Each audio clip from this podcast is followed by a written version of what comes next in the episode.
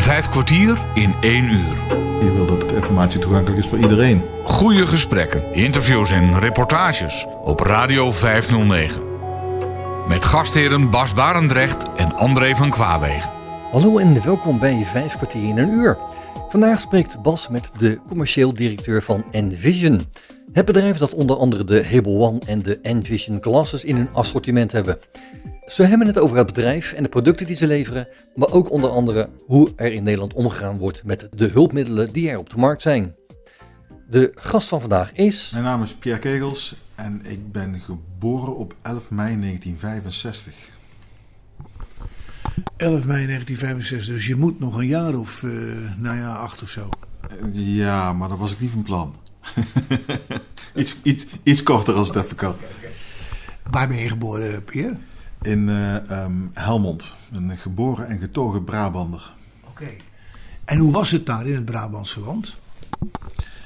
Ja, wel leuk. Ik heb een, ik heb een leuke jeugd gehad. Dus, uh, maar een jeugd van uh, buiten spelen, voetbal, uh, ravotten, naar school gaan. En dat, na, naar school gaan was eigenlijk meer de weg oversteken. Dus, en, dan, en dan was ik er al. Okay. Dus ja, wel. Had je broers en zussen? Ja, ik kom uit een gezin van vijf. Dus ik heb een oudere broer en een oudere zus. En dan nog twee jongere zusjes. Die leven allemaal nog? Ja, ja, ja. ja, ja. Gelukkig wel, ja. Wat heb jij allemaal gedaan als kind?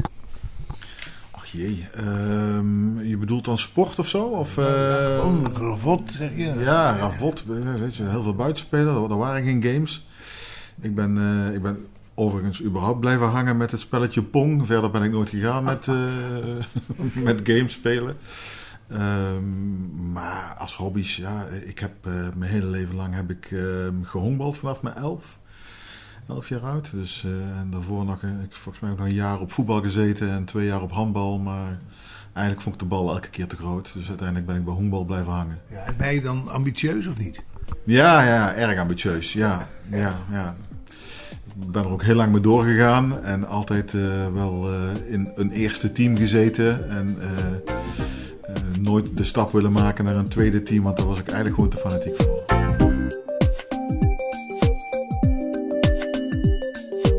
Hey, en je studie? Studie, studie van, hoe noem je dat? Uh, 12 ambachten, 13 ongelukken. En uiteindelijk pas op latere leeftijd een studie bedrijfskunde gedaan. Dus, noem even al die ambachten en ongelukken. Oh jezus, um, ik ben ooit begonnen op THW, dat heet, dat heet nu Facility Management. Um, ik heb nog een blauwe maandag fysiotherapie gedaan. Um, en uiteindelijk ben ik gewoon relatief jong gaan werken, zeg maar. Ja. Maar pas op latere leeftijd heb ik bedrijfskunde gedaan. En wat heb je toen gewerkt? Hoe oud was je toen? Uh, toen ik begon met werken, ik denk uh, nou, na mijn militaire dienst. Uh, eerst een paar jaar gestudeerd. en mijn eerste baan was eigenlijk tourmanager. Dus ik ging voor een Wagenings impresariaat van Amerikaanse jazzbands. Heel Europa door, heel, heel Europa door met die jongens. En was erg leuk. En, reed je dan de auto? En... Ja, dan reed de auto. Je deed de cd-verkoop, je deed de financiën. Uh, als, uh, als er niemand was om het licht en het geluid te doen, deed dat er ook nog bij. En uh, soms was je schoolmeester van de band, zeg maar. zorgen dat ze de volgende dag weer op tijd uit hun hotel vertrokken om naar de volgende gig te gaan. Okay. En dan reed ik erachteraan met de auto. Ja, leuk joh. Hey, en in militaire dienst, waar zat je bij? Ik zat in Harderwijk. En uh, daar zat ik eigenlijk bij een uh, onderdeel wat uh, de controle uitvoerde tijdens, tijdens grote oefeningen. Dus ik, ik heb het geluk gehad om zelf nooit in een pubtentje te hoeven slapen. Want ik was dan chauffeur van een kolonel en die sliep dan in een hotel, dus ik ook. Dus ik heb, nooit, uh, ik heb er geen slechte ervaring aan, zeg maar. Je had een hele goede baan eigenlijk daar. Ik had een redelijk goede baan, ja. Maar het was wel, uh, het was wel een waste of time. Dat moet ik achteraf gezien wel zeggen. Dus, uh, ja. Was die kolonel je kameraad? Nee, niet echt. Dus die zag ik ook niet al te vaak. Dus, en als ik niet met hem op pad hoefde, dan stond ik eigenlijk achter de, achter de bar van... dus dat was, was op zich wel een leuke tijd, ja. Ben je in wat je nu doet gerold? Nou, ik, ik ben eh, een paar keer met mijn vriendin op een hele lange wereldreis geweest. En toen ik van de tweede keer uh, terugkwam, was het uh, was 1998. Toen moest ik weer op zoek naar een baan. En ik had al wat commerciële banen gehad. En uiteindelijk was er een, een functie vakant bij um, Alva. De leverancier van braille leesregels die er toen nog was. Uh, en daar uh, ben ik uiteindelijk begonnen als manager marketing en sales. Ja, dat was met Jaap Breider nog als directeur. Met Jaap Breider, ja, ja inderdaad. Ja. Um, daar heb ik gewerkt tot uh, 2003. toen ben ik samen met Jaap Leunis, die toen bij Timon zat, ben ik een klein consultancybedrijfje in eerste instantie begonnen in de zorg. En in 2004 hebben we eigenlijk Freedom Scientific Benelux opgericht. Uh, omdat uh, Freedom Scientific als, als maker van, van uh, um, JAWS onder andere... eigenlijk op zoek was naar een partij die alle andere producten waarmee ze in ontwikkeling waren ook ging verkopen. En ja, toen kwamen ze bij ons uit en dat, die kans hebben we met beide handen aangegrepen. Je had Alfa dus verlaten? Ja, ik had Alfa verlaten, ja. ja, ja. Alpha, was het toen nog? Een paar jaar voordat het, uh, het schip zonk, zeg maar. Uh, ja. ja. Dus ik was op tijd weg. Ja, Jaap heeft het op enig moment verkocht. Nou, het is gewoon failliet gegaan. Hè? In 2005 uh, ging het ter ziele. Jaap heeft een paar keer de mogelijkheid gehad om het te verkopen. Ja. maar dat uiteindelijk niet gedaan. En ja, op een gegeven moment was er gewoon geen redding meer mogelijk. Nee. ja. En hoe is het met, met je baan daar gegaan? Ja, nou, ik ben in 2004 dus met Freedom Scientific begonnen. En uh, dat heeft uh, geduurd tot uh, 2016. Ehm, toen, toen ontstond er een grote fusie tussen Freedom Scientific en um, Optelec.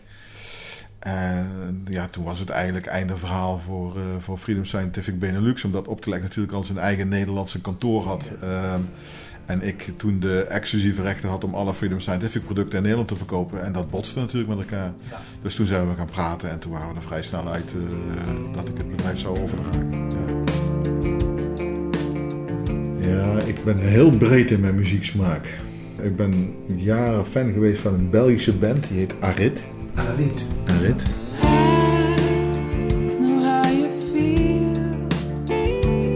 still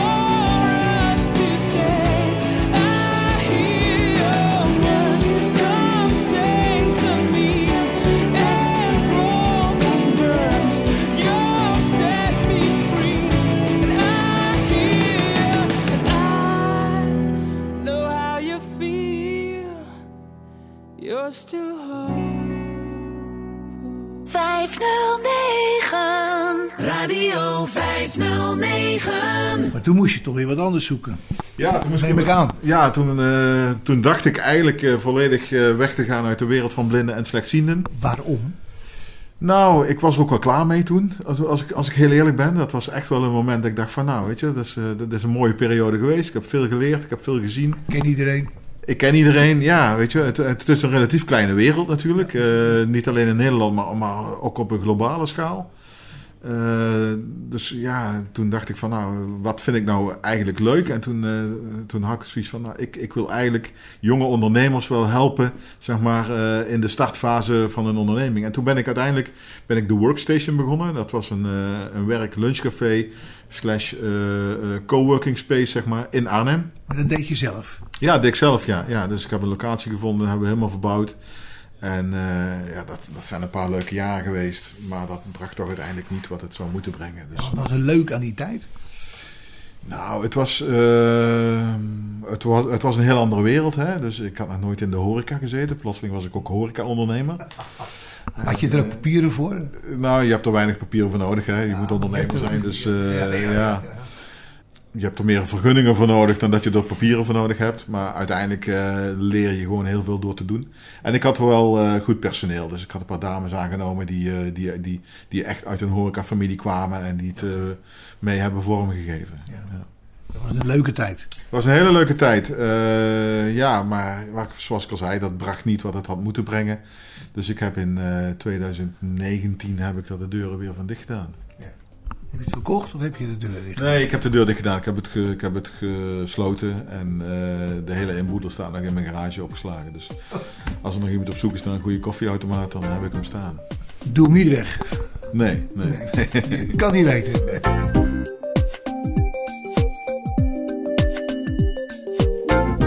Bas Baardrecht spreekt met Pierre Kegels, de commercieel directeur van Envision. En toen, wat ben je toen gaan doen? Nou, toen eh, ben ik heel goed gaan nadenken van wat ik nou wil. Eh, en, en toen kwam ik plotseling weer in contact met eh, een start-up uit Eindhoven, genaamd Hebel. Eh, Hebel One. Ja. De Hebel One, hè, die maken een, een toetsenbord eh, zodat je makkelijker met je smartphone eh, kan werken als je blind bent eh, en het eh braille-type beheerst. Hebel One is eigenlijk opgericht vanwege Ayushman. Ayushman is de bedenker van de Hebel One en die heeft eigenlijk zijn hele leven met zijn opa samengewoond. En zijn opa is op een latere leeftijd blind geworden. En doordat zijn opa blind werd, kon hij steeds minder goed met zijn telefoon omgaan. En ja, dit leidde tot verschillende problemen en Ayushman wilde dit graag bij helpen. Dus wat hij deed, is hij zei, in plaats van dat ik mijn opa zorg laat, eh, die problemen laat hebben, ga ik hiermee aan de slag. En hij heeft toen het eerste concept van de Hebel One ontwikkeld. Nou, dit is alweer bijna drie jaar geleden. En in die drie jaar is er een hele hoop gebeurd. In drie jaar tijd hebben wij namelijk met heel veel mensen getest. Met name in Nederland, maar ook in het buitenland. Honderden mensen hebben ermee getest. Ooit was het een product dat je achter op je telefoon zou plakken, als een soort hoesje. En ondertussen is het een product wat eigenlijk de hele telefoonbesturing overneemt. Nou, dus we hebben heel veel getest. We hebben die jaren eh, samengewerkt met bepaalde partners om te zorgen dat het heel erg goed is. En we zijn nu bij een stadium dat de Hebel One ook echt uitgerold wordt in Nederland. Wat ik graag vertel is eigenlijk met name welke eh, gebruikers nu de Hebel One gebruiken. En dat doe ik omdat het vaak een goed beeld geeft van hey, wanneer is een Hebel One nou handig voor jou? En wanneer zou je het nou het beste eh, mee aan de slag kunnen gaan? Eigenlijk een eerste goed, goed voorbeeld dat ik graag geef is van een van onze, nou, een van onze fans, kan ik bijna wel zeggen, van Hebel. En dat is een vrouw en die reist elke dag een uur heen en een uur terug met de trein naar werk. En zij kwam naar ons toe en zei, hey, elke keer als ik in die trein zit, vind ik het heel erg lastig om mijn telefoon te gebruiken. Je wilt je telefoon, als, die naar, als je die vasthoudt, heb je toch dat mensen het eruit kunnen pakken. Ehm, als je daarop wilt werken, is het heel erg onhandig. Want ja, als je een braille leesregel mee wilt nemen, dan neemt er veel plek in, dan moet je die elke keer meeschouwen. Maar als je, dus dat is niet handig. Maar als je vervolgens met het scherm zelf werkt, eh, gaat het verschrikkelijk traag. Dus zij kwam naar ons toe en zei, hey, zou ik eens kunnen kijken of met zo'n Hebel nou wat meer kan? Nou, ondertussen uh, gebruikt ze eigenlijk de Hebel elke dag. Er was nog een leuk bericht gehad uh, dat ze elke dag ermee bezig is. En uh, zij gaat dus elke dag die uur heen, een uur terug, heeft ze nu tijd gewonnen. Want daar kan ze alle e-mails van die dag al beantwoorden. En kan ze al gewoon al vooruit werken. Je kan namelijk gewoon heel makkelijk het typen met de Hebel One. Nou, dat is één van onze gebruikers. Daarnaast hebben we iemand die zei, hey, ik kan best goed met die telefoon onderweg, overweg. Ik ben er best wel snel mee. Maar vooral dat typen, dat is heel erg wat mij traag gaat. Dat op het scherm bezig zijn is heel erg is niet fijn. En een extern toetsenbord moet ik ook een bureau nodig hebben of iets om het op te zetten. En dat wil ik niet doen. Nou, ook die heeft Hable One geprobeerd. En die zei, nou, ik had eigenlijk gekocht vanwege uh, het type, omdat het gewoon heel veel makkelijker en sneller is. Uh, maar eigenlijk is die wel gebleven vanwege de navigatie die erin zit. Erg handig dingetje, denk ik. Ja, erg handig dingetje. Uh, komt ook binnenkort op de markt. Dus dan ben ik in december 2019 ben ik hen eigenlijk gaan helpen als een soort van ja, adviseur. Ehm, ik kwam natuurlijk uit de wereld, dus ik had heel veel contacten daar. En maar ik, hoe kwam je aan hem? Ja, volgens mij via LinkedIn of zo zijn we elkaar, hebben we elkaar uh, gevonden. Ik, ik heb natuurlijk altijd wel. Uh, ik ben de, de nieuwste ontwikkelingen wel uh, altijd wel in de gaten blijven houden. Omdat, ja, weet je, ik bedoel, het kriebelt toch altijd. Ja. En je hebt twintig jaar ervaring in die wereld en dan kom je er niet zomaar van los. En dit was wel een apparaatje waarvan ik dacht van nou, weet je, dat heeft wel potentie. En ik zie het wel zitten. En het waren, twee hele jonge jongens, twee studenten van de, van de TU Eindhoven. Ja. Oh, drie toen nog uiteindelijk. En uh, ik denk van nou, laat, laten we eens praten, weet je. Misschien kan ik ze helpen. Misschien is, kan ik daar ook wel een rol in, in spelen. Ja. Nou, en uh, zo is dat gekomen. Uh, ik uh, hou van Jacques Brel. Ne me quitte pas. Il faut oublier, tout peut s'oublier. Qui s'enfuit déjà. Oublier le temps des malentendus et le temps perdu, à savoir comment oublier ces heures qui tuaient parfois à coups de pourquoi le cœur du bonheur ne me quitte pas, ne me quitte pas, ne me quitte pas, ne me quitte pas. Moi, je t'offrirai des perles de pluie venues de pays où il ne pleut pas. Je creuserai la terre jusqu'après ma mort pour couvrir ton corps d'or et de lumière. Je ferai un domaine où l'amour sera roi, où l'amour sera loi, où tu seras reine. Ne me quitte pas, ne me quitte pas, ne me quitte pas quitte pas.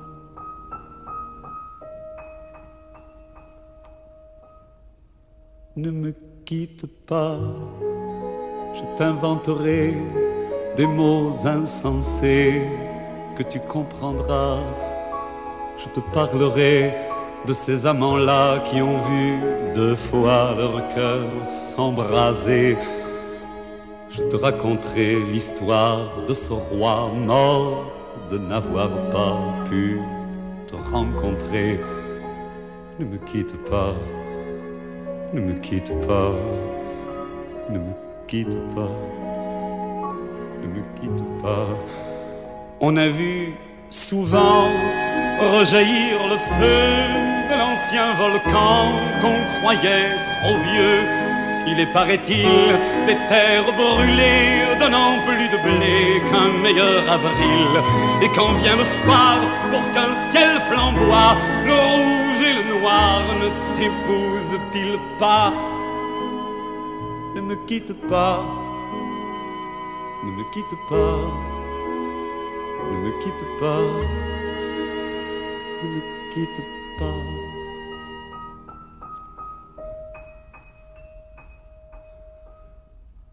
Ne me quitte pas, je ne vais plus pleurer, je ne vais plus parler, je me cacherai là à te regarder danser et sourire et à t'écouter chanter et puis rire. Laisse-moi devenir l'ombre de ton ombre, l'ombre de ta main, l'ombre de ton chien ne me quitte pas, ne me quitte pas, ne me quitte pas, ne me quitte pas. Vijf kwartier in één uur. Een half jaar later, in uh, mei, in juni 2020, ben ik uiteindelijk dan met Envision op die manier eigenlijk ook in contact gekomen. Die uh, Envision van de Envision app. En die waren toen net bezig om te, uh, om te onderzoeken van of ze de, uh, de, de app ook op een smartbril konden, konden maken. En een smartbril? Ja. ja, smart glasses. De tweede wearable is de Envision glasses. op basis van de Google glasses. En deze is vergelijkbaar met de Orcam. Dus ook met de Envision glasses kun je fysieke documenten en andere type informatie kun je toegankelijk maken.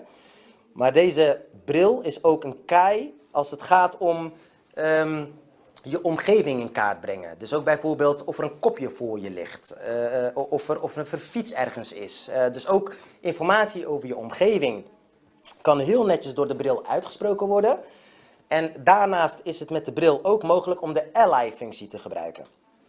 En met de Ally-functie kun je software van de Envision Glasses installeren op de telefoon van een vriend of een vriendin.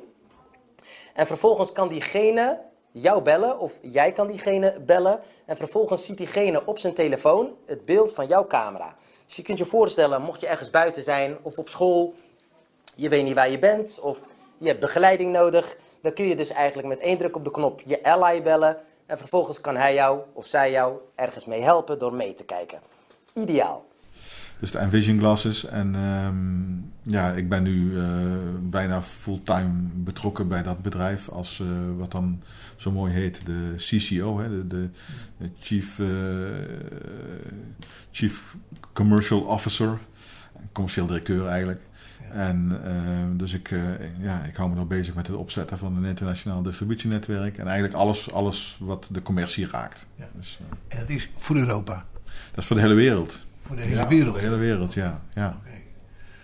Maar je kent toch niet iedereen op de hele wereld? Ik bedoel, hoe zeg je dat op? Nou, ik ken, ik ken, uh, ik ken wel heel veel mensen uh, uit de branche. Uh, we hadden natuurlijk met Freedom Scientific hadden we jaarlijkse dealer meetings. En daar kwam eigenlijk de hele wereld qua, qua, qua blinde en slechtziende leveranciers... Kwamen daarop af. Hè. De, de, de betere bedrijven in de wereld waren leveranciers van JAWS. En die kwamen jaarlijks kwamen die bij elkaar. En dan leer je elkaar door de jaren heen wel uh, erg goed kennen. En, uh, en uit dat netwerk, uh, ja, daar, daar put ik nu nog steeds uit, zeg maar. Ja. Noem eens een voorbeeld. Wie heb je daar uitgeplukt? Ja, de um, IPD in Duitsland, dat bedrijf. Ehm, Ataraxia in Portugal, uh, Lisa van Florida Vision uh, in de Verenigde Staten, Barry van PVI uh, in Nieuw-Zeeland en Australië. Dat zijn, dat, dat zijn niet alleen maar zakelijke contacten, maar dat zijn eigenlijk ook al een soort vrienden geworden, weet je wel, door de jaren heen. Ja, ja en die hebben toch, dat zijn belangrijke bedrijven in hun, in, in hun territorium. Ja. En ga je er ook wel eens naartoe of komen ze wel eens hier? Nog niet. Uh, vanwege corona uh, is dat natuurlijk allemaal erg beperkt. Maar uh, we hadden het plan om in de tweede helft van dit jaar een soort wereldtour te gaan doen langs alle distributeurs. We hebben er inmiddels 15. en, dat, en dat loopt alleen maar op. Hè. Tegen het eind van het jaar hopen we een dikke 20 distributeurs te hebben wereldwijd. Uh, en dan is het wel zeker de bedoeling om ze, om ze te gaan bezoeken. Ja, dat is altijd wel leuk natuurlijk om te kijken van uh, hoe ze je product in de markt zetten. Vijf kwartier in één uur. Bas Baarder spreekt met Pierre Kegels. Hij is de commercieel directeur van Envision en houdt zich bezig met het opzetten van een internationaal distributienetwerk en eigenlijk alles wat de commercie raakt. Op Radio 509. Hoe zie jij nou de ontwikkeling van, van materialen voor blinden en slechtzienden? Nou, ik, um, alles wordt kleiner, alles wordt makkelijker en steeds meer wordt mainstream. Hè? Dus um, toen ik begon waren de, de beeldschermloepen uh, net uit de fase van dat het uh, echte tv's waren met daarop een, een camera gebouwd, zeg maar. Dat was Frans Tiemann de eerste. Ja, precies. Zoals Frans Tiemann de eerste in Nederland maakte. En, en, ja, en, en, en, en nu de, de nieuwste variant op de beeldschermloop is natuurlijk gewoon de VR-bril, hè, waar met een camera het geprojecteerd wordt en je hebt het echt op je neus staan. ja, dus, dus het wordt allemaal kleiner, het wordt meer draagbaar, meer mobiel. Eh, en er komt steeds meer beschikbaar, zeg maar, wat, wat gewoon goed toegankelijk is in, in de reguliere apparatuur. Een mooi voorbeeld is natuurlijk de iPhone daarvan. Met, eh, dat, de, de blinde slechtzienden waren natuurlijk de, de early adopters van de iPhone, met omdat er voice-over in, zat, in, in zit. En ja, dat, dat zie je met steeds meer producten gebeuren. Spraak is wel belangrijke ontwikkeling. Hè? Spraak een hele belangrijke ontwikkeling. eh, maar aan de andere kant moeten we voor blinde mensen niet vergeten dat ook eh braille erg belangrijk blijft. Dus, eh, ja. Nee, dat moeten we inderdaad niet vergeten. Want dat, daar wordt ook ernstig over gedacht. Hè? Ja, vooral in Amerika hè, is, is eigenlijk al heel erg een, een, een spraakgeoriënteerd land geweest. vanwege het feit dat er gewoon geen fatsoenlijke vergoeding is voor een braille leesregel. Hè. Het zijn natuurlijk gewoon dure dingen. Ehm, in Europa is, is dat in heel veel landen natuurlijk wat, wat, wat, anders. Eh leesregels worden, worden vergoed. Eh, eh, ook niet overal, trouwens. Maar, nee, nee, nee, nee, niet overal. Maar wel in, in, een meren, in een merendeel van de West-Europese landen wel. Is er wel een, eh, wel een structuur voor, ja. En hoe, hoe gaat het met die, met die, met die spraak? Eh, want dat trekt ook wel mensen aan die dus niet blind zijn. Eh, eh, of ja, blinden sowieso natuurlijk, maar ook Ja. wel die niet blind zijn en dyslectisch bijvoorbeeld zijn. Ja, ja, je ziet steeds meer ehm, overlap. Hè? Ik bedoel, eh, de, de producten die ehm, ehm, die dingen uitspreken kunnen, het inderdaad, kunnen inderdaad, zoals je zegt, voor de dyslectici ook een, eh, ook een, ook een hele goede oplossing zijn. We krijgen natuurlijk steeds meer slechtzienden, omdat we steeds meer ouderen hebben in, in onze maatschappij. Dus ja, sp- spraak is uitermate belangrijk.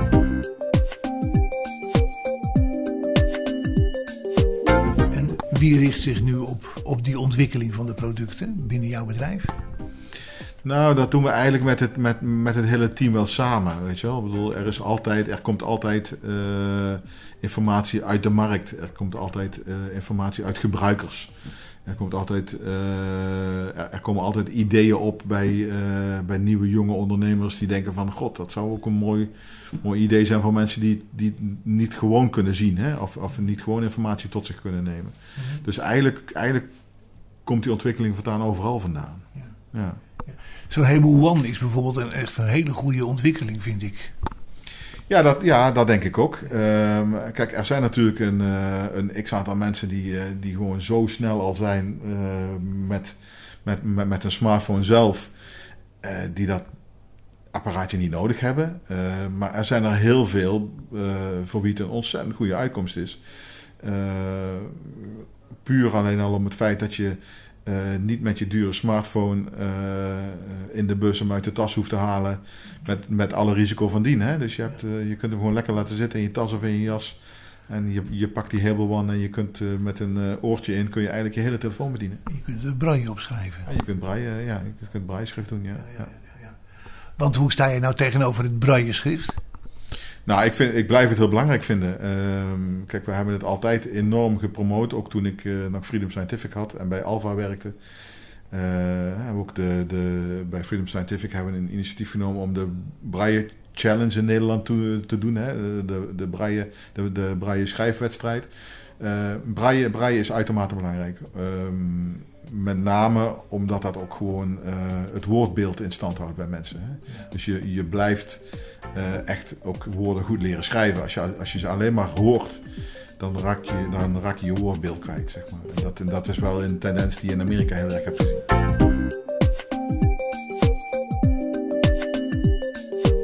Radio 509. Hoe sta je nou tegenover de aanpassingen die maatschappelijk worden gedaan voor blinden en slechtzienden? Ja, dus ik, eh, ik, ik, ik vind dat het nog niet snel genoeg gaat. Kijk, we hebben natuurlijk in Nederland hebben we al jarenlang eh, dat verdrag ondertekend eh, dat alles toegankelijk moest zijn. Maar we zijn erg traag in de daadwerkelijke uitvoeren ervan. En ehm, ja, dat kan, allemaal wel, dat kan allemaal wel een stukje sneller en een stukje beter. Gelukkig is nou net de wet er doorheen dat, dat alle overheidsapps eh, toegankelijk moeten zijn. Hè. Dat is net vorige week, bekend, eh, vorige week bekend geworden. Waren er vijf geschikt, geloof ik. Ja, ja, dat is natuurlijk schandalig. Hè? Dat is, eh, ja. Ik vind dat de overheid toch wel een voorbeeldfunctie moet hebben. Absoluut, absoluut. Als er een, eh, als er een eh, partij is zeg maar, die dat goed geregeld moet hebben, dan is het de overheid. Hè? Je wil dat, dat informatie toegankelijk is voor iedereen. Maar ik zie het nog steeds, eh, weet je, als ik, als ik ooit op Facebook kijk en ik zie een berichtje van de gemeente Arnhem, waar ik dan vlakbij woon. En dan hebben ze de informatie voor, vanwege corona mooi geplaatst in een plaatje op Facebook. Maar dat plaatje is niet getagd en ja, je kunt het ook niet benaderen. En uiteindelijk staat er dan bij, als je meer informatie wil, gaan we naar de link van de Rijksoverheid. En ik vind, ja, weet je, je maakt het dus gewoon moeilijker voor mensen die een beperking, eh, die een visuele beperking hebben. Je, Denk er nou over na. En, en zet die informatie gewoon normaal in het bericht, zodat je er gewoon lekker door de tekst heen kan scrollen, weet je wel. Maar Is er vanuit de wereld van blinden en slechtzienden niemand die daar richtlijnen voor geeft?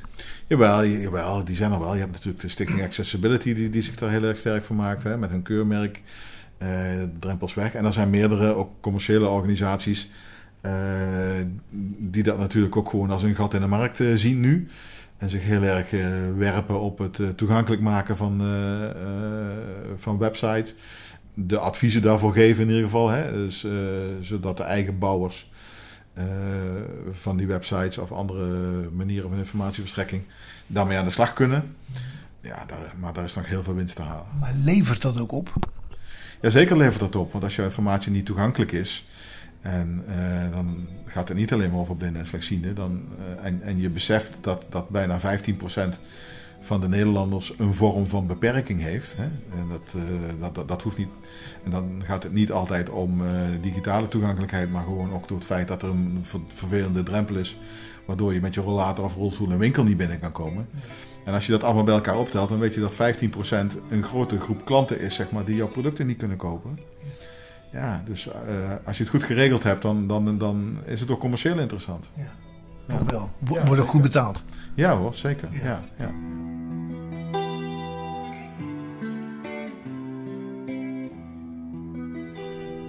Ehm, maar ik hou ook van rockmuziek. Eh, Toen ik jong was, eh, liep ik in eh, zwarte kleren met een leren jas en, eh, en lang haar. ik, het is heel, het is heel, eh, het is, het, het is heel breed.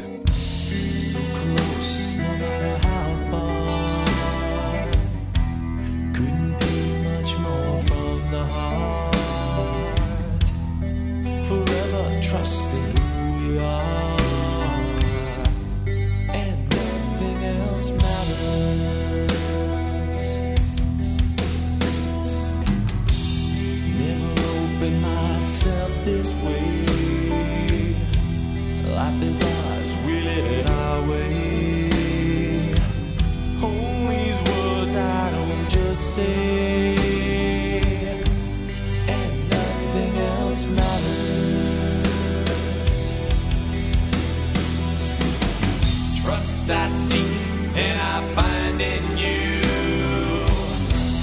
Every day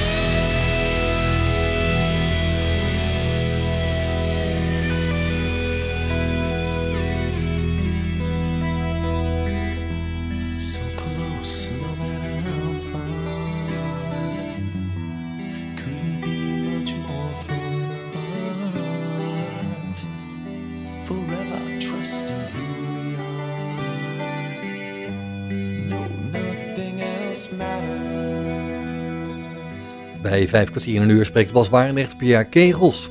En hij is commercieel directeur van Envision. Waar zou je graag nog over willen vertellen? Ehm, ik denk over het feit dat het belangrijk is dat er eh, beter wordt gekeken door eh, zorgverzekeraars en overheden, het UWV, naar wat er nu daadwerkelijk nodig is voor mensen met een visuele beperking. En dat er niet alleen maar wordt gekeken naar wat het kost, maar vooral naar wat het oplevert voor mensen individueel. En eh, daar gaat het helaas nog heel vaak manco. Ehm, een voorbeeld daarvan is eh, het feit dat eh, producten zoals de Envision Glasses en de Orcam, hè, wat dan onze tegenhanger is, ehm, gewoon nog niet of onvoldoende worden vergoed.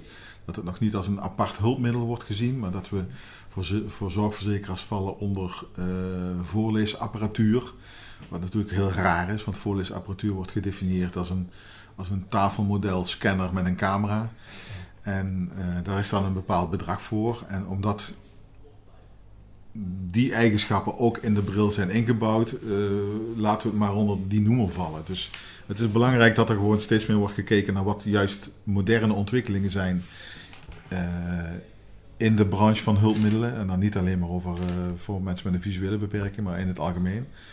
En dat gaat zo snel ehm, en, en vaak lopen die vergoedingssystemen gewoon eh, jaren achter. Ja. Ja. Terwijl ze eigenlijk voor moeten lopen.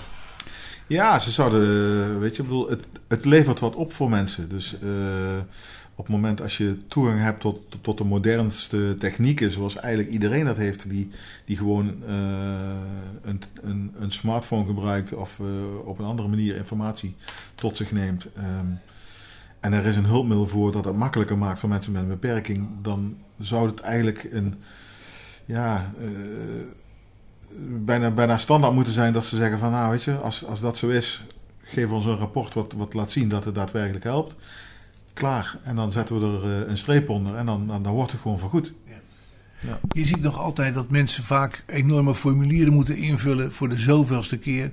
Dat ze dus blind zijn en nooit meer zouden kunnen gaan zien en zo. Ja, ja. Geleiderkaart is er ook een goed voorbeeld van. Ja. Ja, ik heb dat. eh, kijk, de, die hele papierstroom is op een gegeven moment door de zorgverzekeraars neergelegd bij leveranciers. Waarbij er dan een, eh, een triage moest plaatsvinden. En eh, waarbij je middels allerlei formulieren en eh, eh, stroomdiagrammen kwam bij een bepaald hulpmiddel eh, voor, een bepaalde, eh, hè, voor een bepaalde klant. En ja, dat, dat, is, dat is natuurlijk van de zotte. Weet je wel? Ik bedoel, eh, de leveranciers werden gezet op de stoel van de, eh, van de professional die moet onderzoeken of iemand daadwerkelijk eh, blind of slechtziend is. Ja. En inderdaad, het, het nog steeds bij elk hulpmiddel opnieuw moeten aanvragen en verklaren dat, er, dat, dat je daadwerkelijk blind of slechtziend bent. Ja. Dat, is, dat is niet van deze tijd. Nee. Nee. Maar toch is het nog altijd. Toch is het nog altijd, ja. ja, ja. En, en, en ik, denk, ik ben ook bang dat het voorlopig niet gaat veranderen. Want je ziet ook heel vaak dat op de stoel van, eh, van de inkopers eh, steeds nieuwe mensen verschijnen. En eh, iedereen wil er weer zijn plasje over doen. En iedereen denkt weer een goed idee te hebben. Ja. En iedereen wil weer een keer opnieuw gaan onderhandelen met leveranciers. Of komt met rare ideeën van negatieve veilingen. Hè, waar- waar- waarbij je elkaar als, als, als leveranciers alleen maar gaat onderbieden om een contract binnen te halen. Uiteindelijk eh, inboetend eh, op, op, op service en op de kwaliteit van het, van het product. Ja. En daar gaat dus een, lever, een, een, een zorgverzekeraar dan mee akkoord. Hè? Ik bedoel, die, dat is de partij die dat initieert. Wat zou er volgens jou moeten gebeuren om, dat, om, om daar vanaf te komen?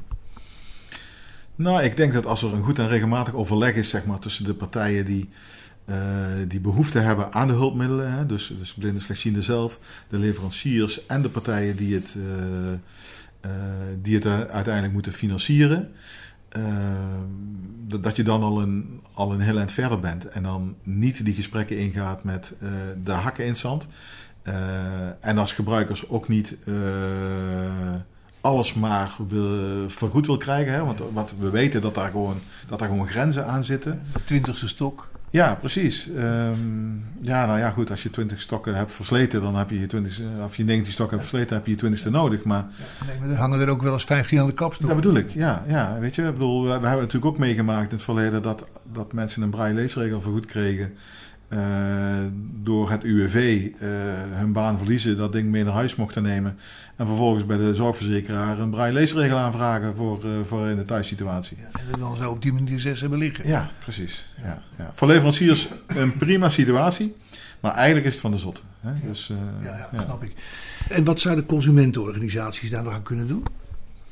Ja, en bedoel je dan specifieke consumentenorganisaties voor blinden en slechtzienden? ja, ja.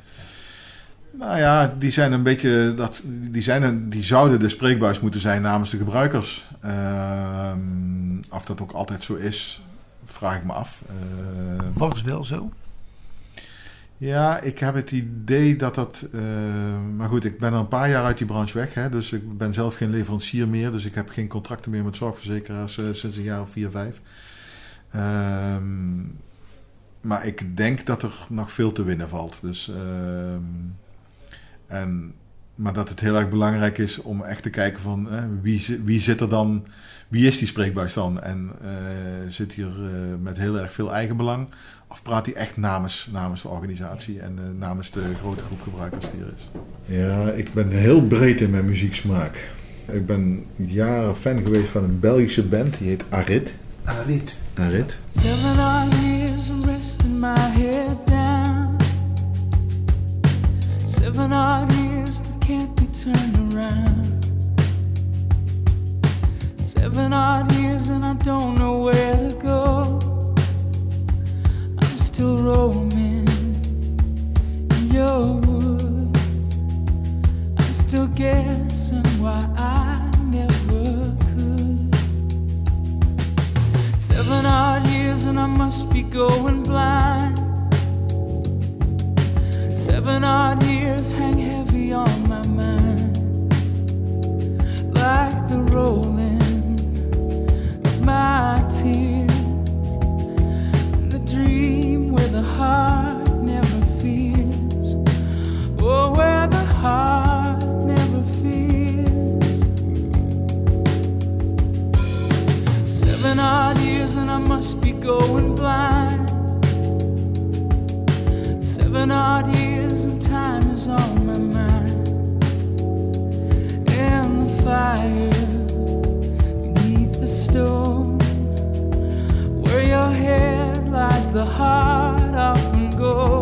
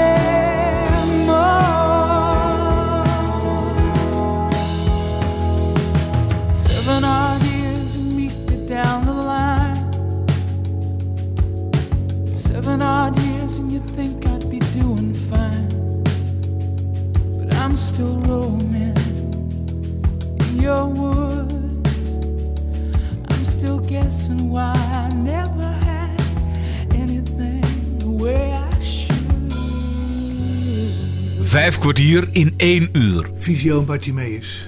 Ja, dat is ook interessant. Want die spelen ook een grote rol, denk ik. Die hebben een hele belangrijke rol, ja. En eh, kijk, dat zijn natuurlijk belangrijke organisaties in het hele rehabilitatieproces, eh, scholing van mensen met een visuele beperking, eh, voorlichting, advisering over hulpmiddelen.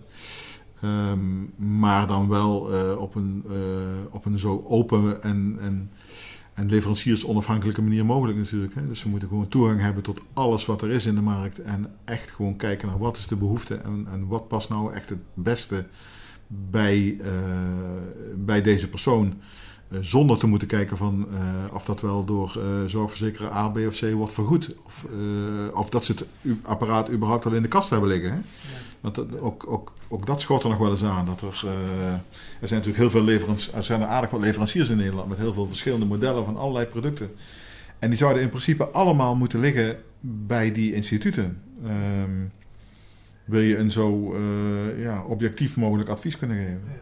Ik geloof dat eh, Visio 3500 mensen werken.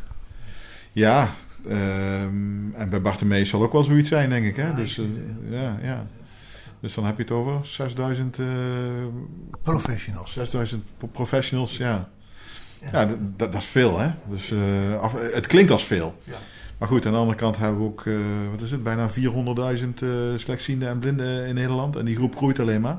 Dat wel. Dus, eh, komen niet allemaal bij Visio en Bartimeus. Nee, nee, nee, nee. Maar het zijn ook wel vaak intensieve trajecten, begrijp ik. Dan heb je ook nog de scholen natuurlijk. eh, en heel veel eh, ambulant begeleiders die, eh, die, die, die, die de jeugd begeleiden op school.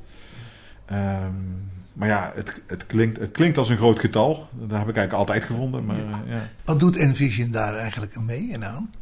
Nou, Envision, ehm, wat wij eh, direct met Visio en Bartimeus doen, is eigenlijk relatief weinig. Hè, want wij werken met distributeurs. Hè, en de distributeur voor Envision in Nederland is Babbage. Ehm, en Babbage heeft natuurlijk zo zijn contacten met, eh, met, met alle Visio's en Bartimeus in Nederland. En eh, met de juiste personen die daar werken.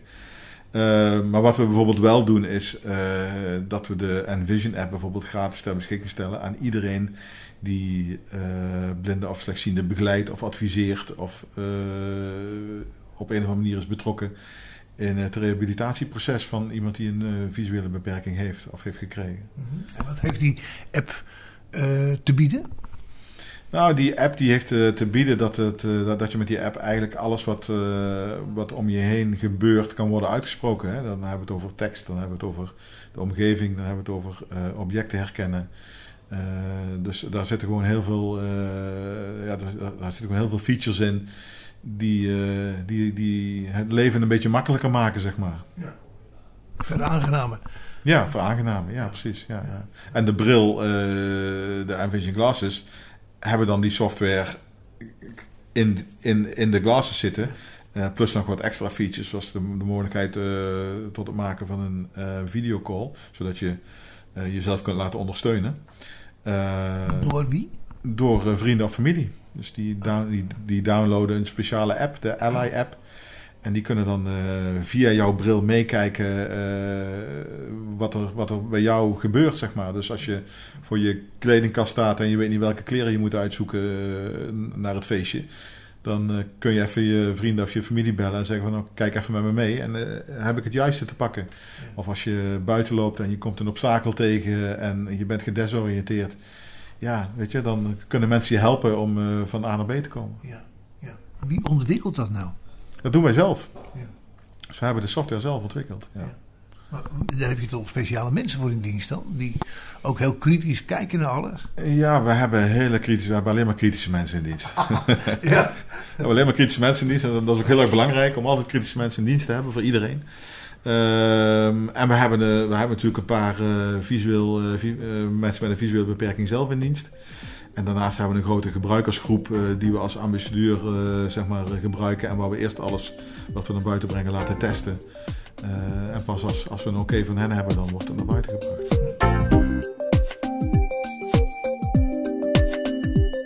Denk je dat door het toedoen van jullie hulpmiddelen de werkgelegenheid zal toenemen onder blinden en slechtzienden? Want die is op het ogenblik verschrikkelijk laag. Hè? Ja, maar ik, weet je, ik bedoel, hulpmiddelen om mensen eh, aan het werk te krijgen, die zijn er al, eh, al tijden. En eh, het zit meer tussen de oren van de werkgevers eh, dan iets anders. Hè. Er wordt nog steeds gedacht, en, we, en ik had eigenlijk gehoopt om eh, tien jaar geleden al te kunnen zeggen van nou, we, zijn eigenlijk zover dat het niet meer, dat, het niet meer hoeft. Maar er wordt nog steeds gedacht dat het eh, veel moeite is en dat het een gedoe is en dat mensen veel begeleiding nodig hebben en dat het allemaal niet snel genoeg gaat en zo. En als je kijkt naar de groep mensen die, die gewoon lekker meeloopt in het, in het arbeidsproces, die doen hun ding en eh, die zijn productief. En eh, ja, weet je, ik heb altijd eh, mensen met een visuele beperking in dienst gehad. En als ik heel eerlijk ben, dat waren de trouwste werknemers. Ja. Ja. Maar hoe breng je dat nou over? Ja, door, door gewoon praktijkvoorbeelden te laten zien. Hè? En door mensen duidelijk te maken van, dat het helemaal niet zoveel werk extra met zich meebrengt. En dat je mensen voor eh, bepaalde taken heel makkelijk kan, eh, kan inzetten. Maar we, we, hebben ook, we hebben ook een blinde rechter in Nederland. Er zijn blinde advocaten. Er zijn, eh, weet je, wel, men, ook, ook op zeg maar. ehm, eh, eh, hoger geschoold niveau zie je voldoende mensen met een visuele beperking die prima hun werk doen. En als ze maar de juiste hulpmiddelen tot zich, als ze maar de juiste toegang hebben tot de juiste hulpmiddelen. Astrid Veldman, die ging al heel vroeg, eh, toen was het eh, nog maar in de 60 jaren, had ze een, eh, nou misschien, misschien 70 jaren, maar ik dacht 60, heeft ze toch een, een baan gekregen bij justitie en daar is ze voortreffelijk uitgekomen. Ja, ja. Nou ja, zo, zo, zo zijn er heel veel voorbeelden.